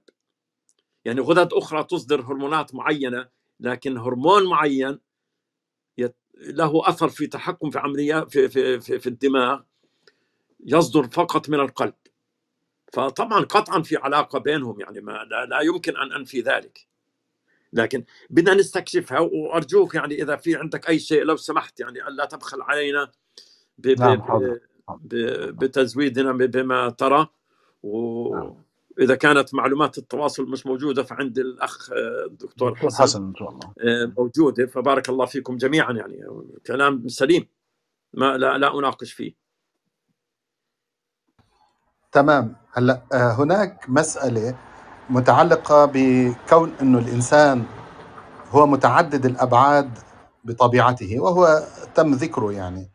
يعني مثلا نحن عندما تناولنا موضوع العقل بمعنى التفكير بغض النظر هل هو في الدماغ أم في القلب يعني ليس محل البحث هو هل هو في الدماغ أم في القلب إنما تو- توصلنا إلى ما هو العقل وقد آه، اتفق الجميع آه، بدون استثناء على أنه العقل أداة التمييز المدركة المميزة التي تستطيع أن تصدر الأحكام على الوقائع.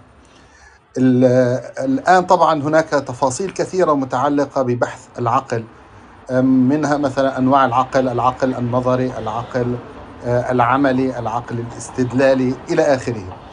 لكن بغض النظر هو يعني هو كان ربما محل البحث هنا إنه ع- نتحدث عن تركيبة الإنسان وما يؤثر في سلوك الإنسان في هذه الحياة. لماذا آه، لا يؤمن كل العقلاء مع أن العقل واحد ومع أن آه، قد تكون الأدلة حاضرة آه، ذات الأدلة عند فلان وعند فلان فلان يؤمن وفلان يكفر. آه، واضح أن هناك أبعاد أخرى تسميها القلب تسميها النفس مسألة بتقديري هي مدرك واقعها وإن لم نستطع أن نحسمها بتعبيرات، يعني مثلا عندما آه، قيل لأبي طالب لماذا لا تؤمن بمحمد؟ عليه الصلاة والسلام. وهو كان عمه وكان يدرك أنه صادقا. لكنه قال آه، كما أذكر أنه أخشى أن يقال آه، أن أبا طالب قد صبأ. فهنا بح- بحثه أو حكمه ليس حكما عقليا إنما حكما نفسيا. فالقلب هنا آه، له علاقة بالنفس وليس له علاقة بالعقل. آه، كذلك الأمر آه، عندما نتحدث عن الإنسان واضح أن هناك بعدا آخر هو بعد الروح مثلا. طبعا الروح هنا بمعنى سر الحياة التي تجعل الإنسان يتحرك ينطق يفكر ينمو إلى آخره. وهو بعد كسر لا يستطيع أحد أن يعطينا آه، أدلة مادية على كنهها. ف لكن نحن آه، غايتنا من الحديث وربما أظن أيضا غاية أخونا أبو طارق آه، عند بحثه عن موضوع العقل والقلب والتمييز بينهما هو مدى الأثر الذي يمكن أن يتركه كل واحد على الآخر. بمعنى القلب بالتفسير الذي تم آه، قراءته أو آه، تلخيصه كيف يؤثر آه، على العقل وكيف يؤثر العقل على القلب وما شاكل. وهنا ممكن أن نطرح سؤالا مثلا إلى أي مدى يمكن أن يؤثر العقل في القلب؟ في القلب بالمعنى ليس بالمعنى الفكري إنما في معنى الميول في معنى الرغبات آه، في معنى الانضباط حتى السلوكي. تفضل أبو طارق. لا هو بارك الله فيك. يعني أنت كما تفضلت الإنسان انسان متعدد الجوانب. الإنسان معقد. لا تستطيع أن تقول هذا هو الإنسان. هو الإنسان هو كل هذا. ولذلك عفوا يعني مرة أخرى لما ذكرت عبر جهاز حي. جهاز حي معنى ذلك أوبس في تليفون من معنى ذلك إنه في روح. فلا بد من آه، مراعاة هذه الأمور يعني هذه الأمور كلها. حين نتحدث عن عن عن التفكير. يعني التفكير أو العقل ليس آه، مثل صنع خزانة مثلا. آتي بهذه الخشبة وتلك الخشبة أضعهما معا خلاص طلع عندي خزانة. هذا المنطق قد لا يح- يحسن في واقع الحياة. فعندك عوامل أخرى غير عن الإحساس أو الدماغ أو نقل الإحساس أو معلومات سابقة. في ناحية أخرى الإرادة تدخل في موضوع موضوع التفكير. قراري أنا أريد أن أن أفكر أو لا أفكر. أنا أريد أن أؤمن أو لا أؤمن. ف نعم أكثر من عامل يعني يدخل في في في, في تفكير ال- الإنسان وفي لعله حياته. لا لا لعله الحديث ربما عن النفس آه، ممكن أن يوضح ويبلور حتى الموضوع الفكري أكثر ودوره أيضا وتأثيره في حياتنا لأنه يعني عندما أذهب إلى الآية الكريمة ونفس وما سواها فألهمها فجورها وتقواها قد أفلح من زكاها وقد خاب من دساها. يعني هنا الموضوع مش عملية عقلية محضة إنما عقلية آه، عملية أخرى. مرتبطة بتركيبة الإنسان اللي لها علاقة بنفس الإنسان وهذا أيضا بحاجة إلى بحث. يعني ماذا نقصد بالنفس هنا؟ وكيف تتمايز عن العقل؟ ومدى تأثير العقل بهذه النفس وبصياغة هذه النفس؟ وهل العقل وحده قادر على صقل النفس وتشكيل النفس أم لا؟ آه، لا. هو تفضل. طبعا العقل وحده لا ليس هذا قلنا. عندك الإنس- ال- ال- الخ- حرية الاختيار عندك الإرادة عندك ال- المشاعر الأهواء الميول كل هذا ال- الأمور. النفس يعني أنت فتحت مو... ميدانا آخر يا دكتور. آه، نحتاج إلى آه، أن نستعرض كل الآيات التي وردت فيها كلمة نفس. أنا أرى كلمة النفس لفظ مشترك. أطلق وأريد به أكثر من معنى لكن هذا خارج آه، نطاقنا. شايف؟ قد تطلق ويراد بها الإنسان نفسه. تمام. أخونا طعام تفضل. الله يبارك فيك. آه، في نقطتين في النقطة الأولى ما يمكن آه، اللي أورده الدكتور عمرو. آه، يعني قد يحصل خلاف يعني عن موضوع التفكير إنه وين مركزه يعني هل هو الدماغ أو القلب أو. لكن طبعا في أفكار من فلاسفة أو مفكرين غربيين. يعني طبعا بدها تمحيص عند يعني قبولها أو رفضها. لأنه هناك من يجعل أنه العاطفة هي التي تحدد يعني الإنسان مساره في هذه الحياة. وطبعا بيقولوا خذوا بالعاطفة إنه القلب إنه القلب هو الذي يقود الإنسان. آه، فهذا لا يعني إحنا لما مثلا نختلف إنه أين مركز التفكير هذا شيء وبين إنه لا فعليا إنه الإنسان آه، لديه عقل يفكر وبنفس الوقت إنه لديه عاطفة يعني. المهم أن يعرف أين دور العقل وأين دور العاطفة. لأنه العقل هو أداة للتفكير. آه، أما العاطفة هي يعني هي المشاعر الدافعة للسلوك ولأخذ الموقف وإلى ما ذلك يعني. آه هذه ناحية. الناحية الثانية ذكروا أخونا أبو بلال آخر شيء يعني. إنه إحنا مثلا لما يقال إنه العقل مش كل شيء. هلأ في كتير أشياء ممكن تقول عنها إنه مش كل شيء لكن بده تحديد كلمة إنه مش كل شيء. إذا أريد إنه مش كل شيء بمعنى إنه المقصود إنه لأ يعني مش كل شيء بتوصل له الإنسان بتفكيره بيلتزم فيه أو بكون شخصيته. مزبوط هذا الحكي. أما إنه إذا مش كل شيء بمعنى إنه لا في أشياء آه، لا يتم بحثها لا يتم التفكير فيها لا يتم الوصول إلى الحقيقة بشأنها. لا هذا صار موضوع ثاني هلأ مش كل شيء صحيح بمعنى والأمثلة اللي ضربت يعني. إنه الإنسان آه، كثيرا ما يتوصل إلى أشياء بتفكيره لكن لا يلتزم بها. أخونا أبو طارق عبر عنه قال الإرادي وهذا اللي قلت عنه أنا هون الامتحان. لأنه المسألة مش مسألة رغبة.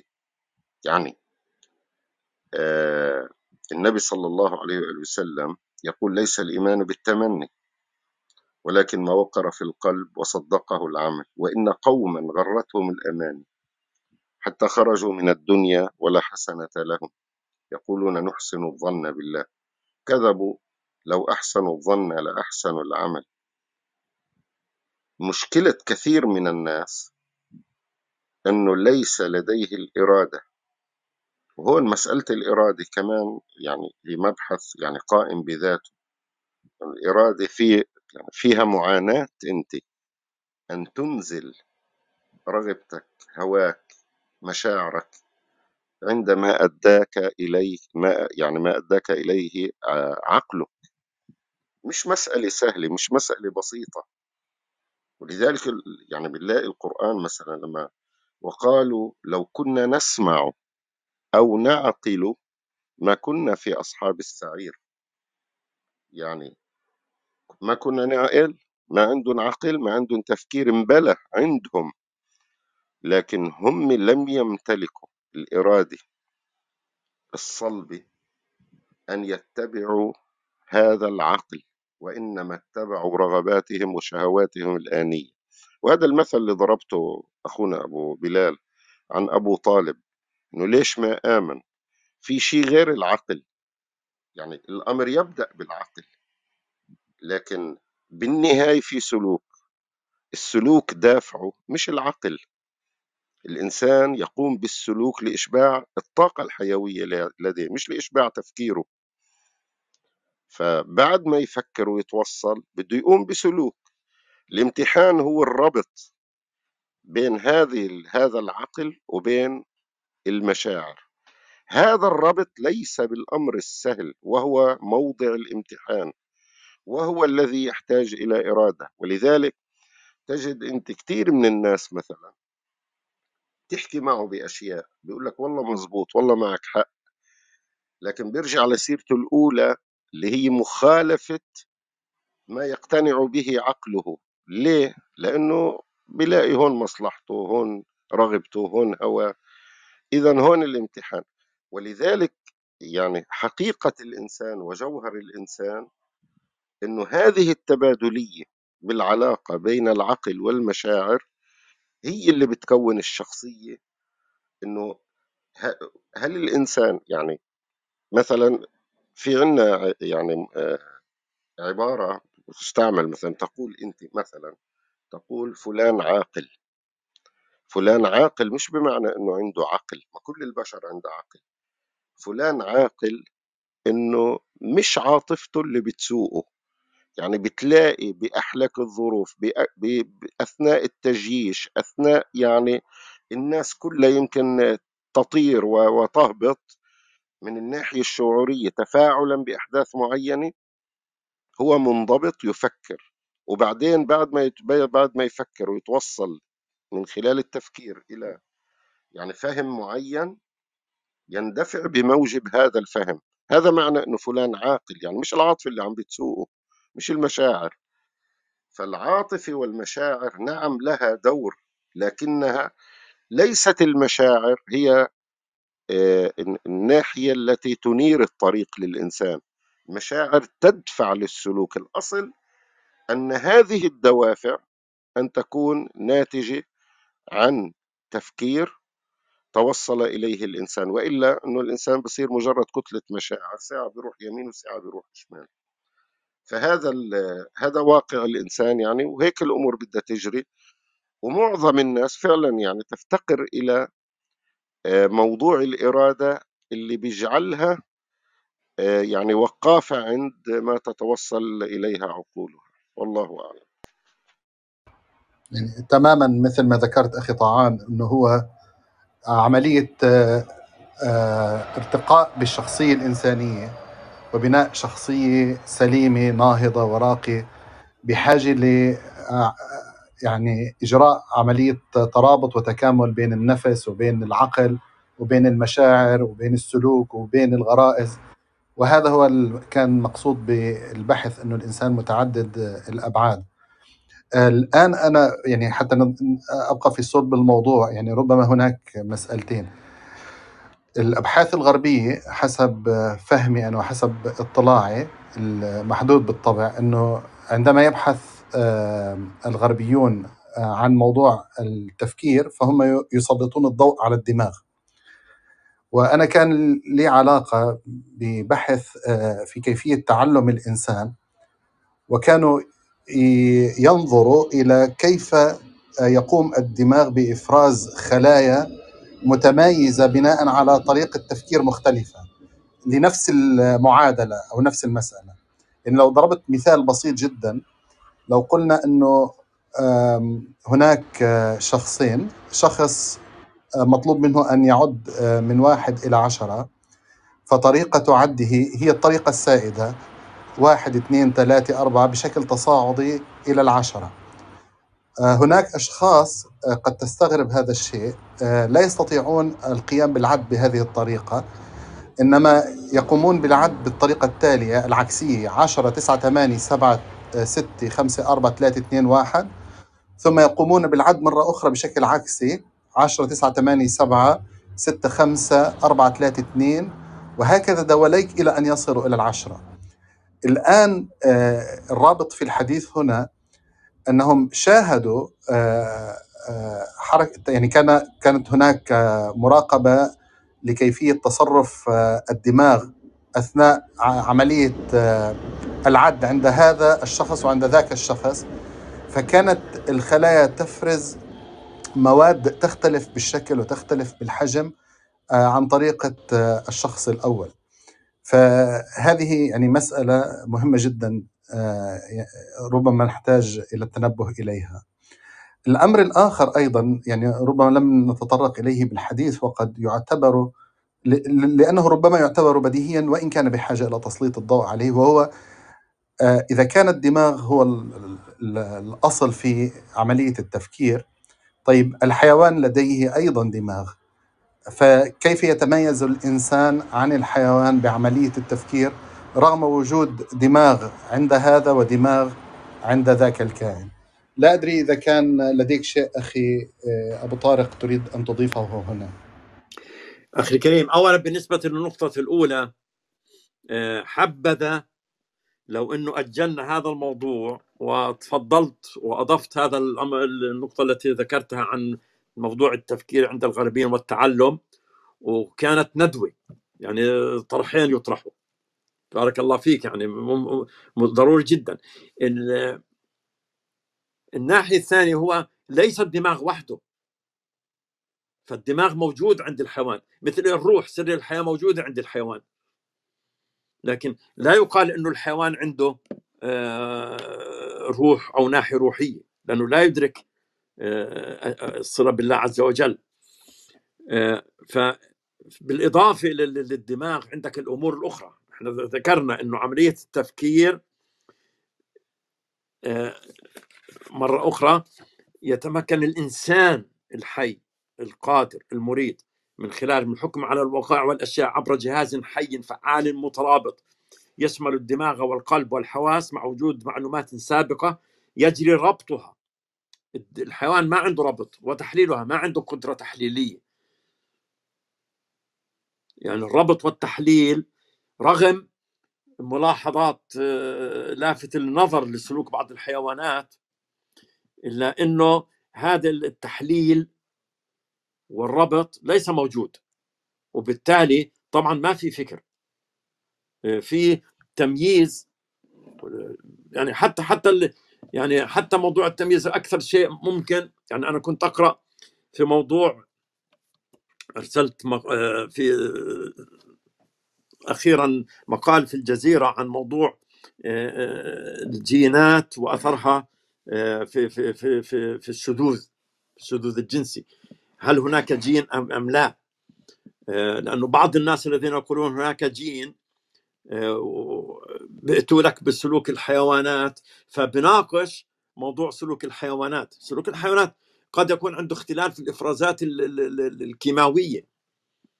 يعني حتى الحيوان لما يميل يعني الإنسان عنده الميل الجنسي مع إدراك إنه هذا الميل الجنسي هو طريقة معينة للوصول لناحية معينة لإشباع غريزة النوع مثلا للبقاء الإنساني. آه، الحيوان آه، في أشهر معينة مثلا قرأت فترة عن عن القط. في أشهر معينة في السنة الأنثى تفرز آه، عن طريق غدة معينة هرمونات معينة رائحة معينة لا يشمها إلا ذكر الهر فيقبل عليها. فالعملية كلها هناك عملية كيميائية عملية مادية. مش والله إنه الهر بده يجي اعجبني هذه وبدي أريد أن أشبع هذه الناحية عندي للوصول إلى غرض معين أو كذا أو كذا. فالحيوان ما عنده هذا الربط اللي موجود عند الإنسان. وبالتالي التفكير مش موجود عند الحيوان مطلقا. فهذه طبعا لابد من الانتباه لها. تمام. آه، أستاذ علاء تفضل. مساء الخير. شكرا دكتور حسان وشو مساء الخير للجميع. شكرا لكم على النقاش الهادئ والراقي والمفيد جدا. وبالواقع يمكن من قبيل الصدف. أنا أول شيء شفت العنوان ومن كم يوم كان هيك على كلاب هاوس في جدل حول الموضوع. في الواقع كان البعض آه، يحاول الاحتجاج على القرآن الكريم بأن القلب في القرآن كان بمعنى عضلة ضخ الدم طبعا هذا احتجاج ما كان له معنى أنا برأيي. الدكتور حسان بيعرف اني توجه لا ديني لكن آه، التعبير القرآني بما خص القلب لقيته دقيق يعني هذه الحقيقة من زم من وقت طويل شفتها. ومعبرة بالواقع. آه، لأنه كلمة العقل هون فعلا مجازية كما أراها يعني. وبالواقع هي وقتها للتدليل فقط. آه، طلعت أنا حكيت هذا الرأي وقتها. إنه حتى عند قدماء الإغريق كان الموضوع ملتبس معهم. فما بين ما بين العقل والقلب والروح. وبالواقع حتى إذا بدكم أحط لكم إياها بالشات في ورقة هيك بتلخص الموقف الإغريق القدماء حول هذه المصطلحات الثلاثة. فالإنسان فعلا قبل أن يتعلم أو قبل يزيد علمه يعني كان في عندهم شيء لنقول أنه السؤال كيف يفكر؟ وخصوصي أننا عندما نفكر نسمع كأننا نسمع صوتنا في دماغنا ونحن صامتون. وبنفس الوقت القلب هو أول عضو نشعر بتأثره بأي حركة انفعالية. فرح حزن آه، هدوء آه، غضب خوف أي انفعال أول ما لما نقول نشعر نشعر به بقلبنا بعدد النبضات فورا. فالموضوع كان مختلف طبعا قبل تطور العلوم. لكن المؤكد كما ورد بحديثكم يعني إنه العقل والتفكير أو لنقل العقل الآن بالمعنى الشامل وليس الدماغ آه، لا يوجد إنسان بأي شكل من الأشكال يستطيع أن يقول أنه يستطيع التفكير بمعزل عن عواطفه. هذا يستحيل علينا كبشر. شئنا أم أبينا؟ يعني بالكاد إذا كنت فيزيائيا أو رياضيا تتخلص من مشاعرك إلى حد ما. فالعملية التفكير والمشاعر متداخلة جدا جدا.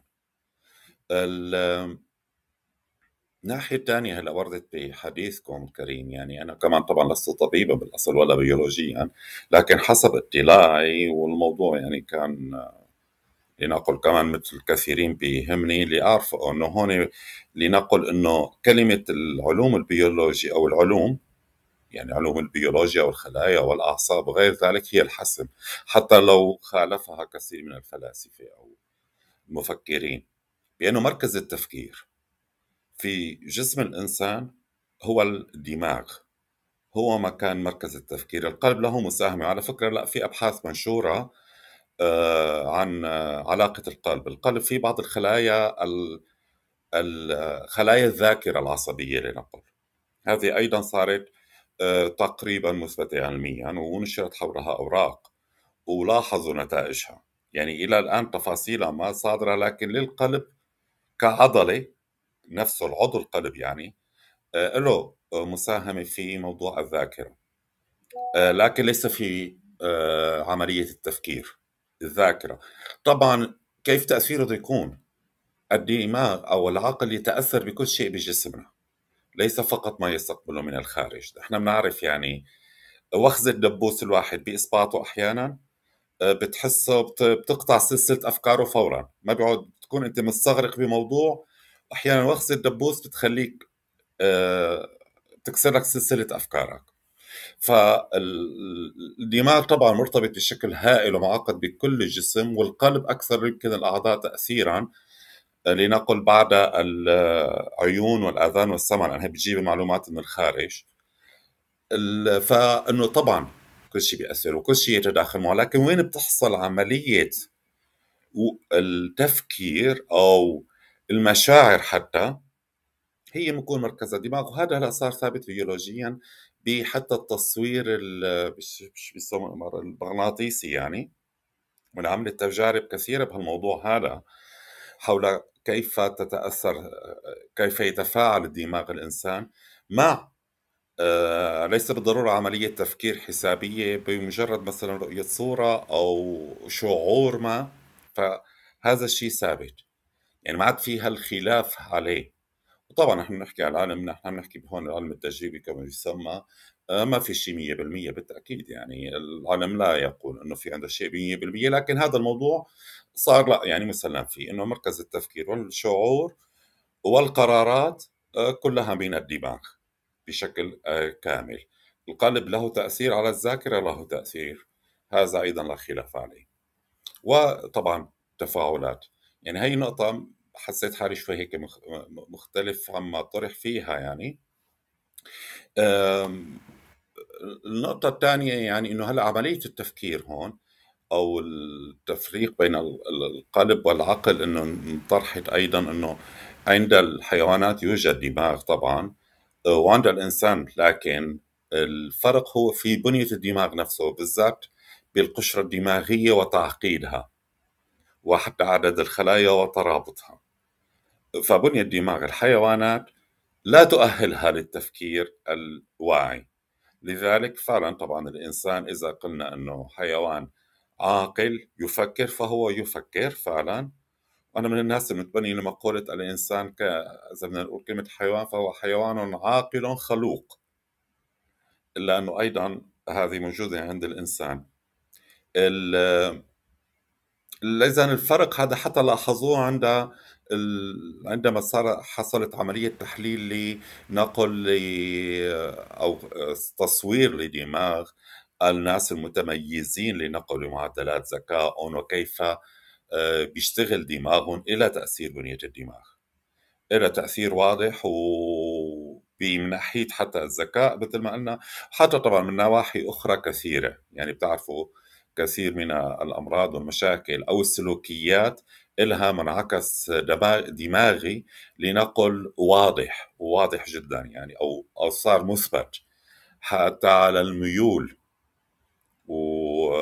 والعاطفية أحيانا وحتى العنفية. فكلها بتجي من الدماغ. فهون هو فينا نقول مركز التفكير.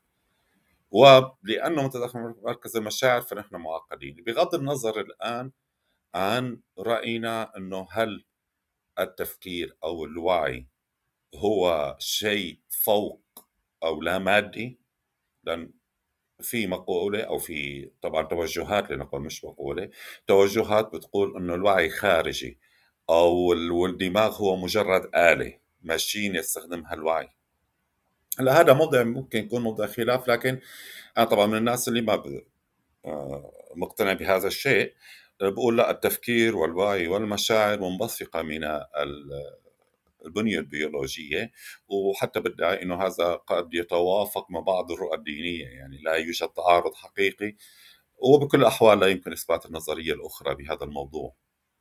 و... ونقطة أخيرة إذا سمحتوا لي يعني قضية أنه ما قاله الغربيون أو أبحاثهم الآن في الواقع العلم تجاوز الغربيين يعني الأبحاث العصبية. الآن منتشرة في كل دول العالم وفي الدول الإسلامية وفي الصين وفي اليابان وهم بتقدم كبير جدا لأنهم أساسا يتنافسون يعني مثل ما بتعرفوا يتنافسون بهذا المجال. فهذه حتى في الشرق والغرب أصبحت يعني متفق عليها النتائج أنه الدماغ هو المركز. والموضوع مش هون فرق بين نظرة مادية آه، أو فلسفة مادية أو غير مادية. هون الموضوع فعلا موضوع علمي أكثر من ذلك. أما ناحية الفلسفة المادية غير وما قيل عن الغرب فهذا موضوع آخر يعني يمكن هذا مجاله. لكن الأبحاث هون العلمية منتشرة ما بين الشرق والغرب. و حابب أختم بس أنا ب تذكرت نقطة أنا رجعت تحققت منها كنت قرأت لأحد الكتاب سابقا من سنوات طويلة لفتت نظري يعني. وهون برجع للقرآن الكريم إنه فعلا في القرآن الكريم يقول القلوب أو القلب قلوب لا يفقهون بها ليطمئن قلبي. القلب هون عم بيشمل إنه بيعرف الإنسان عقل بما نسميه نحن عقل يعني إنه ما في بدون عواطف وعواطف مزيج دائم. والقلب بهالمعنى المجازي تعبر عن الاثنين. أما كلمة عقل فلم ترد كاسم في القرآن الكريم وردت بفعل يعقلون تتعقلون أتت من الفعل والفعل ممكن أميزه بالسلوك الإنساني إنه هون فيه تعاقل وعقل لكن كتوصيف لعملية الاطمئنان الممزوجة ما بين العقل والعاطفي فبيجي بيستخدم فيها عملية القلب وهذا بلاقي آه، تعبير أكثر مطابقة للواقع فعلا. وشكرا لكم على إتاحة هذه الفرصة وإعطائي هذا الوقت. أشكرك أستاذ علاء. آه، لديك تعليق أو إضافة أو خلاصة أخي إياد لهذه الجلسة؟ هو ال- الموضوع آه، بحاجة للمزيد من من البحث في بعض جوانبه. آه، أهم شيء موضوع تحديد موضوع العلاقة بين القلب والعقل. هذا هذه قضية لابد منها. القضايا الأخرى آه، موضوع المشاعر. طبعا آه، هي جزء من تكوين الإنسان.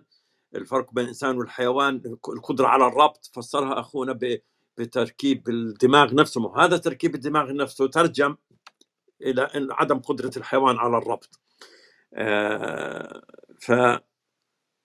فالمهم في النهاية إنه نضع موازين معينة أو مقاييس معينة أو ضوابط معينة لتضبط لنا ما هي المساحة التي يمكن أن نفكر فيها بعقولنا آه، اللي هو ما دون الحس وما هي المساحة التي لا يمكن أن نفكر فيها آه، بعقولنا اللي هي ما وراء الحس وما وراء الحس اللي هو الغيبيات والدليل فيها نقلي. عندنا إحنا مصدر المعرفة في الإسلام الوحي والعقل وكل له مجاله.